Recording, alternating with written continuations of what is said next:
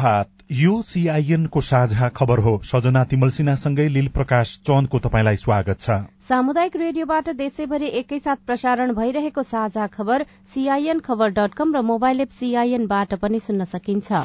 आज दुई हजार उनासी साल फागुन दुई गते मंगलबार फेब्रुअरी चौध तारीक सन् दुई हजार तेइस नेपाल सम्बत एघार सय त्रिचालिस फाल्गुन कृष्ण पक्षको नवमी तिथि आज प्रणय दिवस।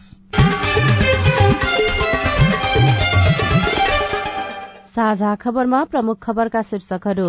सत्ता साझेदार र प्रतिपक्षी दलसँग समानान्तर सम्वाद गर्दै प्रधानमन्त्री प्रचण्ड गृह मन्त्रालय पाए रासोपा सरकारमा जान लचक। भारत र अमेरिकी अधिकारी शीर्ष नेतासँगको भेटघाटमा जिम्मेवार व्यक्ति मानसिक दरिद्रताबाट ग्रस्त भएको सर्वोच्चको टिप्पणी एकानब्बे करोड़का उपकरण खरिदमा कर्मचारीको चलखेल चिकित्सक सहित वीर अस्पतालका एकानब्बे जनालाई कार्यवाहीको सिफारिश यातायात मजदूरलाई सरकारले वार्ताका लागि बोलायो। सहुलियतपूर्ण कर्जा लगानी दुई खर्ब भन्दा माथि गुलाबको फूलमा नौ महिना मात्रै आत्मनिर्भर। टर्की सिरिया भूकम्प भग्नावशेषमा पुरिएकाको एक हप्तापछि पनि उद्धार न्यूजील्याण्डमा आपतकाल घोषणा अस्ट्रेलियाले शरणार्थीलाई आवासीय अनुमति दिने। र त्रिकोणात्मक एक दिवसीय क्रिकेटमा नेपालले आज नामिबियासँग खेल्दै।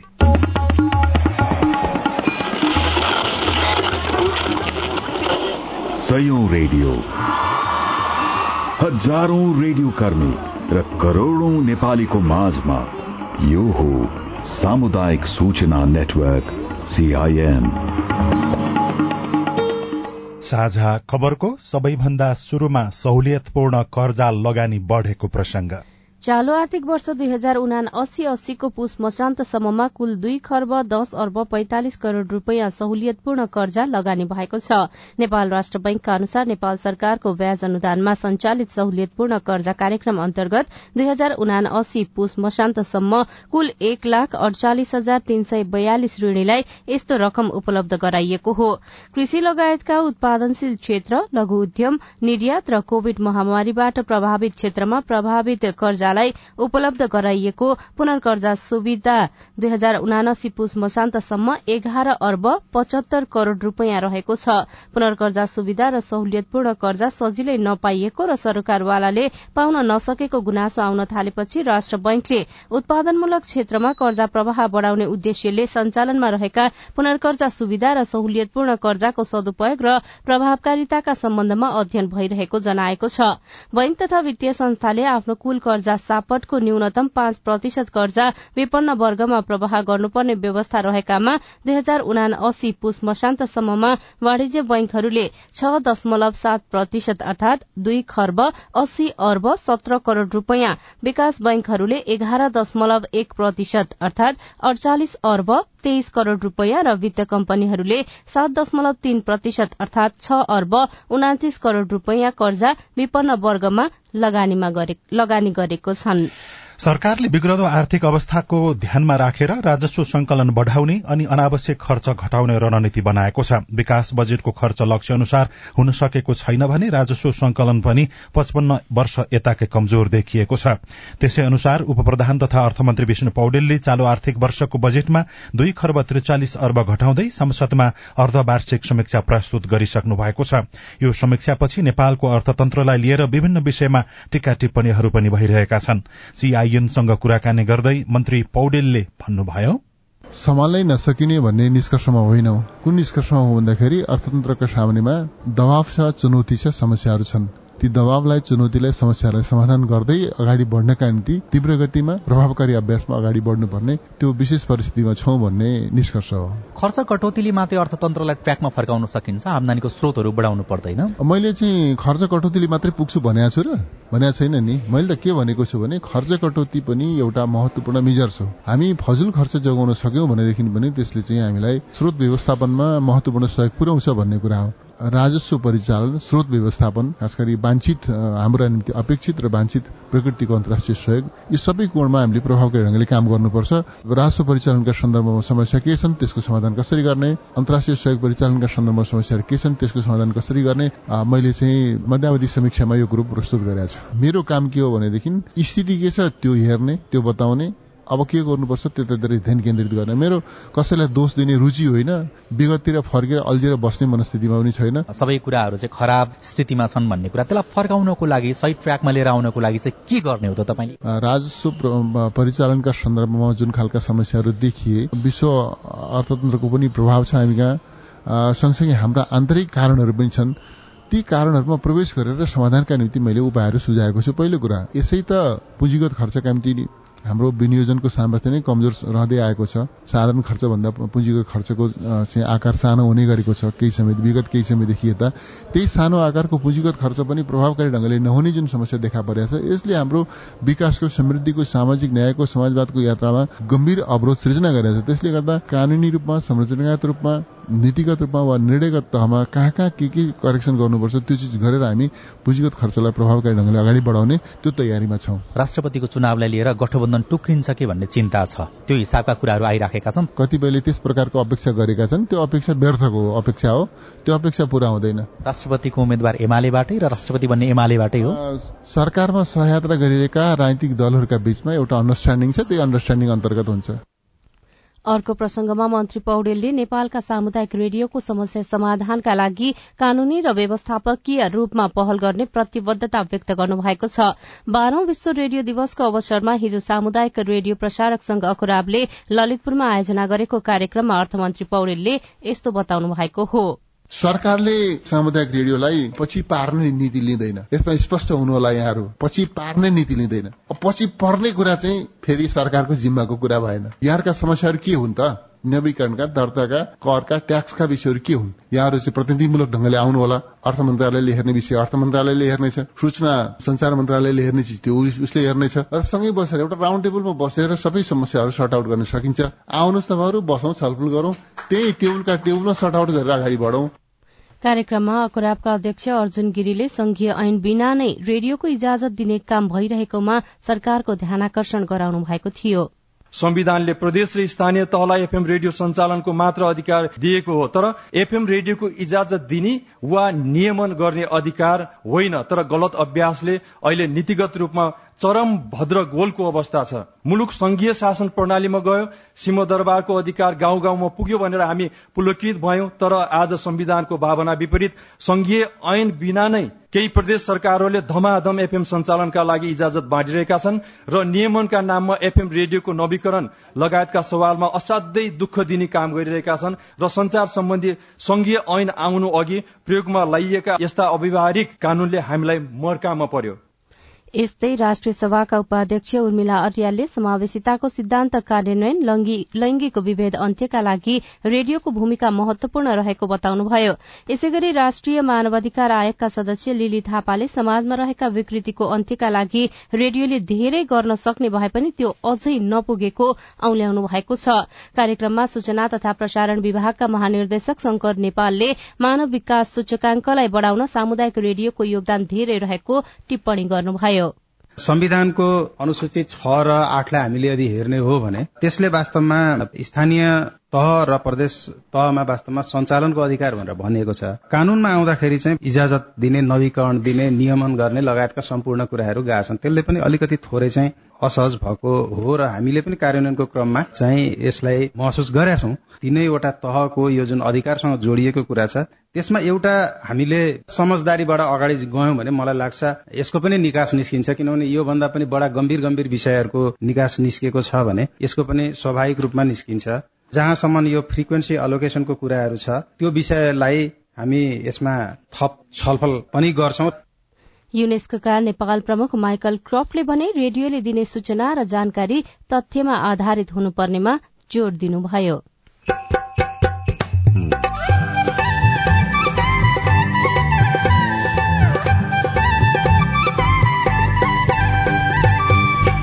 सामुदायिक सूचना नेटवर्क सीआईएन मार्फत देशभरि प्रसारण भइरहेको साझा खबरमा प्रेमको प्रतीक पाल्पाको रानी महल अनि पर्यटकीय सम्भावना।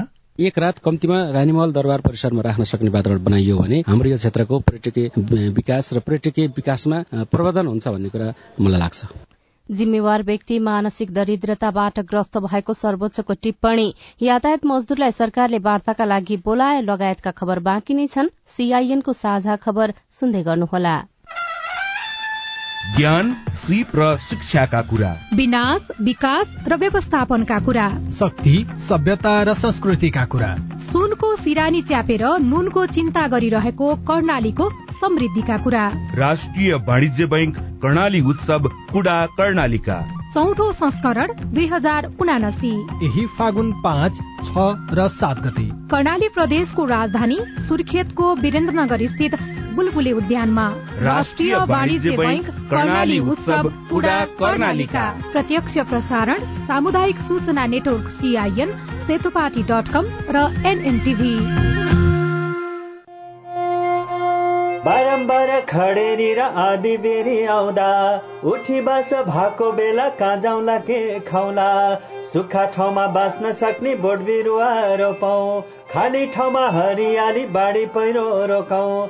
कृषि भूमि व्यवस्थापन विकास कार्य गर्दा राम्रो हुन्छ गाउँ घर ज्ञान सिप जोड्दा। घाँसे मैदान चरण क्षेत्र पानी कामुल जोगाउँ। पशुपालन कृषि गरी छोरा छोरी पढाउँ। परिवर्तन हुँदा नि जलवायु बाँच्न मिल्छ जीवनको सत आयो बाँच्न मिल्छ जीवनको सत आयो बाँच्न मिल्छ जीवनको सत आयो।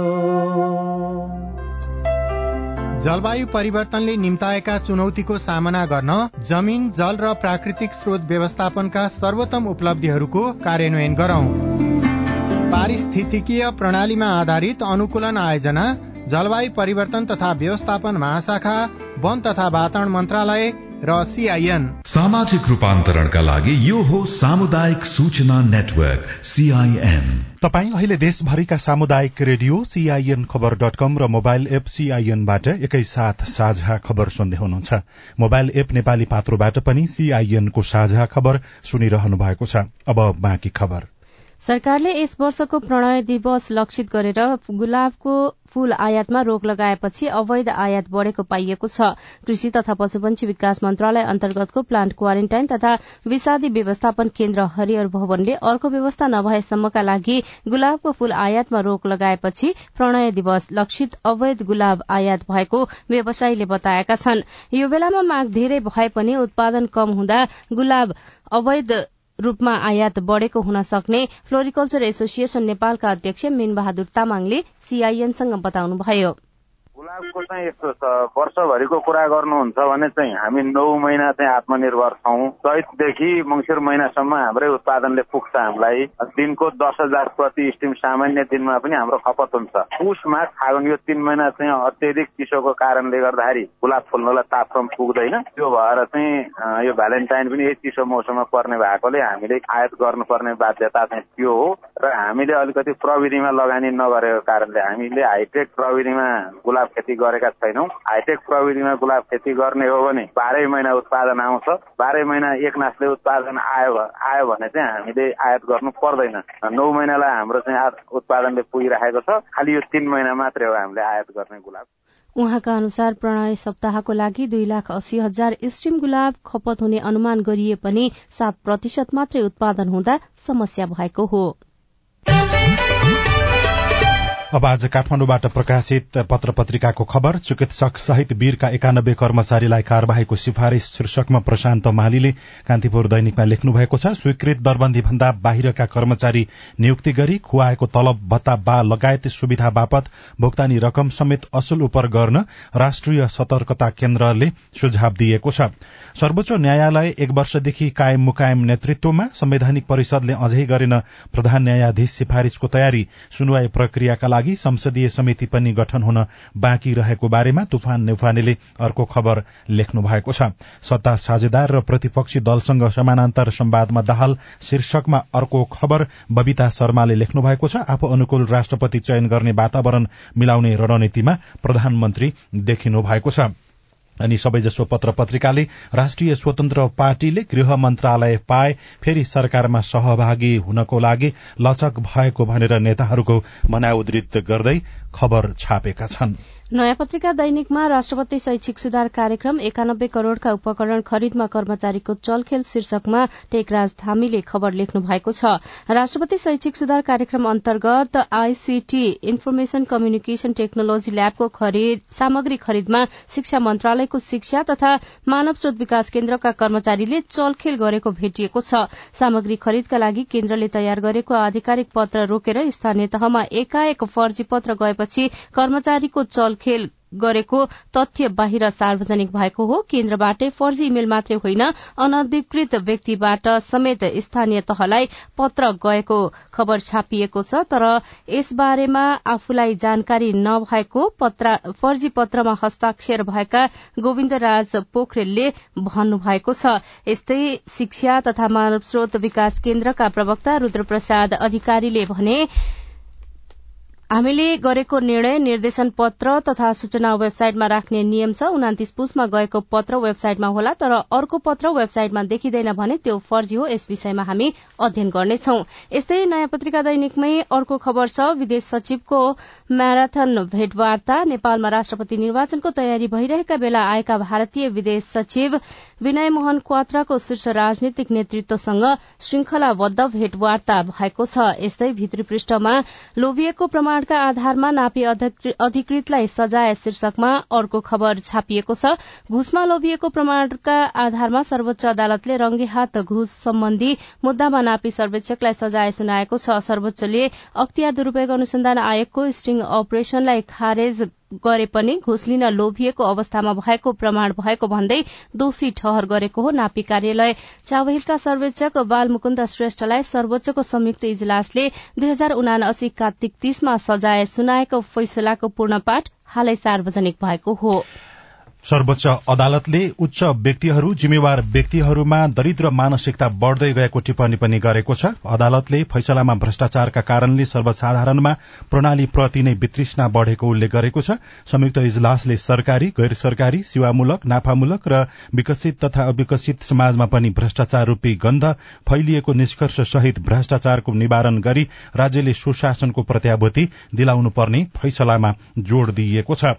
सबैजसो पत्र पत्रिकाहरूमा यातायात मजदूरहरूको हिजोको प्रदर्शन उग्र बनेको र सर्वसाधारणको दैनिकी कष्टकर बनेको खबर छापेका छन् ट्राफिक जरिमाना विरूद्ध यातायात मजदूर आन्दोलनमा उत्रिएका छन्। ट्राफिक जरिमाना महँगो भएको भन्दै प्रदर्शनमा उत्रिएका यातायात मजदूरले आज मंगलबारदेखि काठमाडौँ उपत्यकामा अनिश्चितकालीन सार्वजनिक यातायात बन्दको घोषणा समेत गरेका छन्। हिजो दिनभर जसो काठमाण्डु उपत्यकामा भएको प्रदर्शनका कारण एम्बुलेन्स समेत सड़कमा गुड्न पाएनन् ठेकेदार कम्पनी र मजदूरको अराजकताको मारमा सर्वसाधारण परे नयाँ बस पार्क क्षेत्र हिजो दिनभर तनावग्रस्त बन्यो। प्रहरीको गाड़ी र अस्थायी बीटमा आगजनी गरिएको छ। प्रदर्शन नियन्त्रण बाहिर गएको छ र लोत्से मलभित्र आक्रमण भएको र त्यहाँबाट सरसामानहरू लुटपाट भएको दृश्यहरू सार्वजनिक भइरहेका छन्। सरकारले भने वार्ताका लागि उनीहरूलाई आह्वान गरेको छ गंगबो स्थित नयाँ बस पार्क प्रयोग गर्ने विषयमा उत्पन्न विवाद समाधानका लागि उप प्रधानमन्त्री एवं भौतिक पूर्वाधार तथा यातायात मन्त्री नारायण काजी श्रेष्ठले आन्दोलनरत यातायात व्यवसायीहरूलाई वार्ताका लागि आह्वान गर्नुभएको हो। राजधानी दैनिकमा अमेरिकी उच्चस्तरीय भ्रमण तीव्र शीर्षकमा खबर छापिएको छ। नेपालमा नयाँ सरकार गठनसँगै उच्चस्तरीय भ्रमण तीव्र बनेको छ। हिजो मात्रै अमेरिकी उपसहायक विदेश मन्त्री अफ्रिन अख्तर नेपाल आइपुग्नु भएको छ। उहाँ दक्षिण तथा मध्य एसियाली मामिला ब्यूरो हेर्ने अमेरिकी उपसहायक मन्त्री विदेश मन्त्री उपसहायक विदेश मन्त्री हुनुहुन्छ। एक महिनाबीच अमेरिकाबाट उहाँको यो तेस्रो उच्चस्तरीय भ्रमण हो। यसअघि अमेरिकी राजनीतिक मामिला उपमन्त्री भिक्टोरिया न्यूल्याण्ड र यूएसआईडी प्रमुख सामान्था पावरले नेपालको भ्रमण गरिसक्नु भएको छ। साझा खबरमा अब हेलो सीआईएन अविनाश आचार्यबाट। आजको हेलो सीआईएनमा हामीले विभिन्न विषयमा श्रोताले हाम्रो आइभीआरमा रेकर्ड गराउनु भएका सुझाव र प्रतिक्रियालाई स्थान दिएका छौं। नमस्कार म आदित्य सिंह काठमाडौँबाट कर चुक्ता प्रमाण पत्र लिएर लामो समयदेखि निष्क्रिय बसेका व्यापारिक फर्महरूले सोझै चालु आर्थिक वर्षमा समन्वयको चाहिँ सिस्टम भएदेखि चाहिँ निष्क्रिय वर्षको लेखा परीक्षण घर भाडा कर यसबाट चाहिँ मुक्त हुन्थ्यो र स्वत व्यापारिक प्रयोजनमा चाहिँ जोडिन पाइयो भने राज्यलाई पनि टेवा हुने कर चुक्ता भइसकेपछि चाहिँ कुनै पनि राज्यलाई बक्यौता बाँकी नरहेको चाहिँ त्यो कागजले नै प्रमाणित गर्दा चाहिँ यसले पनि थप डकुमेन्टहरू पोस्टपोन भएका व्यापारीहरू चाहिँ करको दायरामा आउन सक्थे कागजको झन्झट हुँदैन थियो र यसले राष्ट्रिय अर्थतन्त्रलाई टेवा पुग्छ कि भन्ने चाहिँ मेरो अनुरोध हो। त्यस्तै सरकारले दिने सार्वजनिक विधाप्रति असन्तोष व्यक्त गर्दै काठमाडौँकै धर्मस्थलीका श्रोता श्यामकृष्ण डंगोलले पनि सुझाव रेकर्ड गराउनु भएको छ। हामी आम नेपालीहरूले सरकारी सेवा सरल सेवा जुन पाउने सुविधाबाटै झन् वञ्चित हुन पुगेका छौँ। किनभनेदेखि सरकारी विधा अहिले कटौती गर्नुपर्ने समयमा झन् अनावश्यक रूपमा दिएको छुट्टी चाहिँ सान्दर्भिक लाग्दैन। त्यसकारण सरकारले यो जनयुद्ध दिवसलाई कटौती गरियोस् भन्न चाहन्छु। अब एउटा जिज्ञासा कर्णालीबाट। नमस्कार मेरो नाम धनजित खड्का। म सुर्खेतबाट। म अहिले बाली विज्ञान दोस्रो वर्ष अध्ययनरत विद्यार्थी हो। र हामीलाई अहिले फर्स्ट इयरमा कुनै विषय लाग्यो हुनाले त्यो विषय कहिले इक्जाम हुन्छ र सेकेन्ड सेमिस्टरसँग इक्जाम हुन्छ भने हुन्छ कि हुँदैन? हुँदैन भने कहिले हुन्छ? धनजितजी तपाईँको जिज्ञासा सुनेपछि हामीले यसबारे बुझ्न सीटीई भिटी कर्णाली प्रदेश कार्यालयका प्रमुख यादव सुवेदीलाई सम्पर्क गरेका थियौं। उहाँका अनुसार तपाईँले दिने पहिलो सेमिस्टरको मौका परीक्षा यही फागुन बाह्र गतेबाट शुरू हुँदैछ। त्यसअघि तपाईँले परीक्षा फारम भर्नुपर्ने हुन्छ तर परीक्षा फारमका लागि तोकिएको समय आज मात्रै बाँकी छ। त्यसैले तपाईँले आफूले पढेकै विद्यालयमा गएर आजै परीक्षा फारम भर्नुहोला। तपाई पनि जुनसुकै बेला हाम्रो टेलिफोन नम्बर शून्य एक बान्न साठी छ चार छमा फोन गरेर आफ्नो प्रश्न जिज्ञासा गुनासा सल्लाह सुझाव एवं प्रतिक्रिया रेकर्ड गर्न सक्नुहुन्छ। साझा खबरमा अब विदेशको खबर टर्की र सिरियाको सिमानामा गएको भूकम्पका कारण भत्किएका भग्नावशेषमा पुरिएकाहरू एक हप्तापछि पनि जीवितै भेटिने गरेका छन्। टर्की र सिरियामा भूकम्प गएको एक सातापछि भग्नावशेषभित्र पुरिएको अवस्थामा टर्कीमा थप दुई व्यक्तिलाई सकुशल उद्धार गर्न उद्धारकर्ताहरू सफल भएका छन्। भूकम्पमा परि टर्की र सिरियामा गरी सैतिस हजार भन्दा बढ़ी व्यक्तिको मृत्यु भइसकेको अन्तर्राष्ट्रिय संचार माध्यमले उल्लेख गरेका छन्। अस्ट्रेलियाले हजारौं शरणार्थीलाई आवासीय अनुमति दिने भएको छ।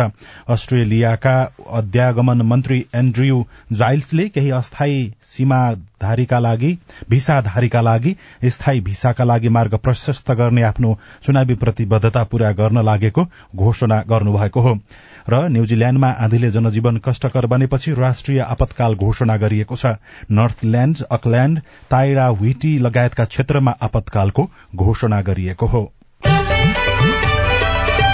साझा खबरमा अब खेल खबर। एक दिवसीय मान्यता बचाइराख्न महत्वपूर्ण त्रिकोणात्मक एक दिवसीय क्रिकेटमा नेपालले आज नामिबियासँग खेल्दैछ। खेल किर्तिपुर स्थित त्रिवी क्रिकेट मैदानमा बिहान नौ बजे शुरू हुनेछ। नेपाललाई मान्यता जोगाइराख्न अब खेल्न बाँकी बाह्र मध्ये नौ खेल जित्नै पर्ने दबाव छ।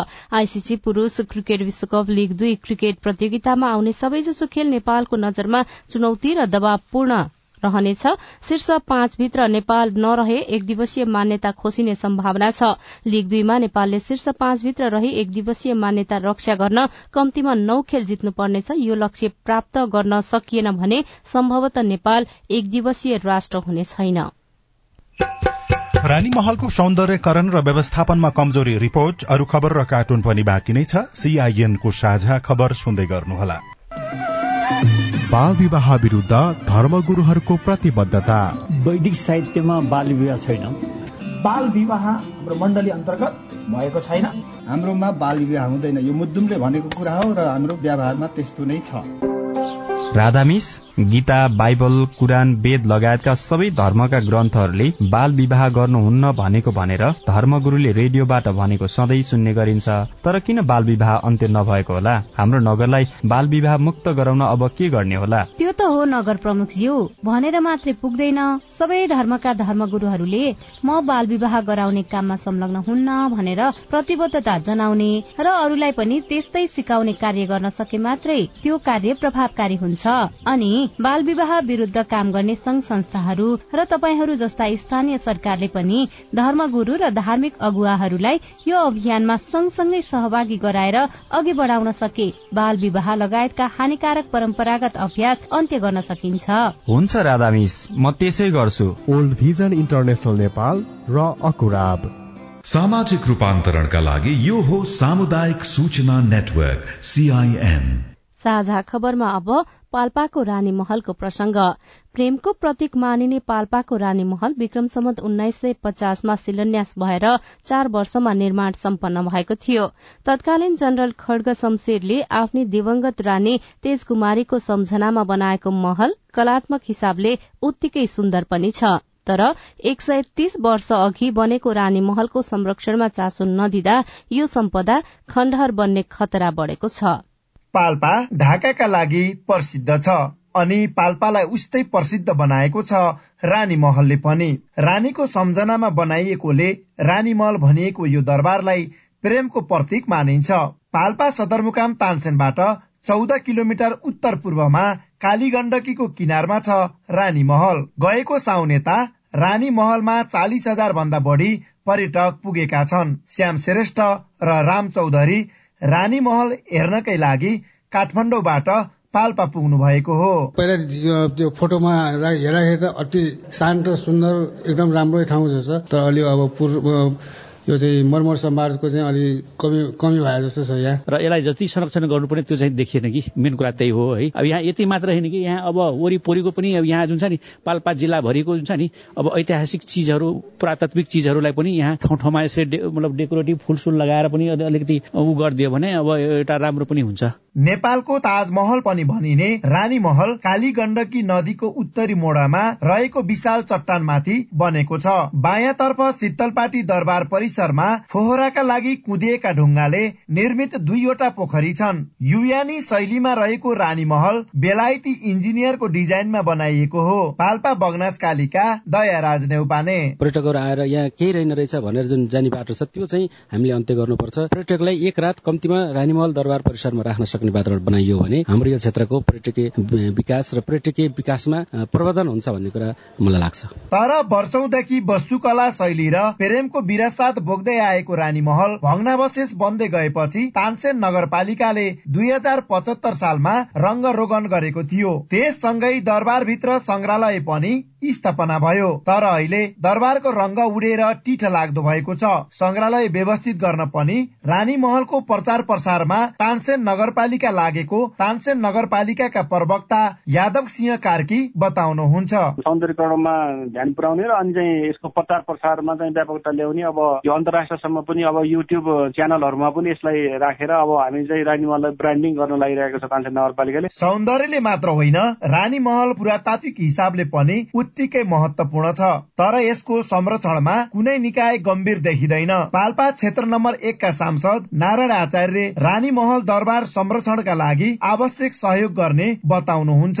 कहाँ कमी भएको छ त्यो कुरालाई पत्ता लगाउने आउने दिन यसको चाहिँ विकासको निमित्त अवश्य पनि हामीले चाहिँ एउटा महत्वपूर्ण चाहिँ भूमिका निर्वाह गर्नको निमित्त यसको चाहिँ अगुवाई गरेर यसको चाहिँ सम्वर्धन विकास र संरक्षण गर्ने चाहिँ काममा महत्वपूर्ण भूमिका निर्वाह गर्नेछ। सरकारले अवश्य पनि त्यो योजनालाई सहयोग गर्नको निमित्त हामीले चाहिँ अगुवाई गर्नेछौँ साथ दिनेछौँ। मर्मत सम्भार गर्न सके रानी महलले पाल्पाको पर्यटन क्षेत्रमा ठूलो योगदान गर्ने निश्चित छ। तर संरक्षणमा ध्यान नदिँदा रानी महल खण्डहर बन्ने खतरा बढेकोमा स्थानीय बासिन्दा चिन्तित छन्। Bhuwan Raymajhi CIN radio Muktinath Palpa. यो रिपोर्टसँगै हामी साझा खबरको अन्त्यमा आइपुगेका छौं। सामुदायिक रेडियो प्रसारक संघद्वारा संचालित सीआईएनको बिहान छ बजेको साझा खबर सक्नु अघि मुख्य मुख्य खबर फेरि एकपटक। सत्ता साझेदार र प्रतिपक्षी दलसँग समानान्तर संवाद गर्दै प्रधानमन्त्री प्रचण्ड गृह मन्त्रालय पाए राष्ट्रिय स्वतन्त्र पार्टी सरकारमा जान लचक। भारत र अमेरिकी अधिकारी शीर्ष नेतासँगको भेटघाटमा जिम्मेवार व्यक्ति मानसिक दरिद्रताबाट ग्रस्त भएको सर्वोच्चको टिप्पणी एकानब्बे करोड़का उपकरण खरिदमा कर्मचारीको चलखेल चिकित्सक शहीद वीर अस्पतालका एकानब्बे जना कर्मचारीलाई कार्यवाही सिफारिश यातायात मजदूरलाई सरकारले वार्ताका लागि बोलायो। सहुलियतपूर्ण कर्जा लगानी दुई खर्ब भन्दा माथि गुलाबको फूलमा नौ महिना मात्रै आत्मनिर्भर। टर्की सिरिया भूकम्प भग्नावशेषमा पुरिएकाको एक हप्तापछि पनि उद्धार। न्यूजील्याण्डमा आपतकाल घोषणा अस्ट्रेलियाले शरणार्थीलाई आवासीय अनुमति दिने। र त्रिकोणात्मक एक दिवसीय क्रिकेटमा नेपालले आज नामिबियासँग खेल्दै। साझा खबरको अन्त्यमा कार्टुन। कार्टुन हामीले कान्तिपुर दैनिकमा अबिनले बनाउनु भएको कार्टुनलाई लिएका छौं। व्यङ्ग्य गर्न खोजिएको छ। अहिलेको सत्ता गठबन्धन छ। गठबन्धन बाहिर नेपाली कांग्रेसले राष्ट्रपति पाउनु पर्ने भनेर प्रधानमन्त्री प्रचण्डसँग विभिन्न किसिमका अनौपचारिक औपचारिक छलफल गरेका खबर पनि सार्वजनिक भइराखेको छ। यहाँ सिंहदरबार जस्तै देखिन्छ। माथिल्लो तलाको एउटा झ्यालबाट एमाले अध्यक्ष केपी शर्मा ओली जस्ता देखिने व्यक्तिले टाउको निकालेर केही हेर्दै गरेको देखाइएको छ र तल्लो तलाको झ्यालमा प्रचण्ड जस्ता देखिने व्यक्ति त्यहाँ बारदलीमा हुनुहुन्छ र बाहिरपट्टिबाट भर्याङ लगाएर कांग्रेस सभापति शेरबहादुर देउबा जस्ता देखिने व्यक्ति केही हातबाट अगाडि बढ़ाउँदै हुनुहुन्छ। उहाँको हातमा गुलाबको फूल छ र माथि चाहिँ यस्तो लेखिएको छ।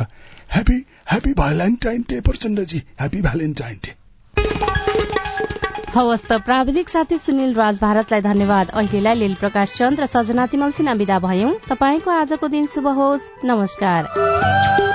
यसपछि देशभरिका सामुदायिक रेडियोबाट कार्यक्रम संवाद प्रसारण हुनेछ। सुन्ने प्रयास गर्नुहोला।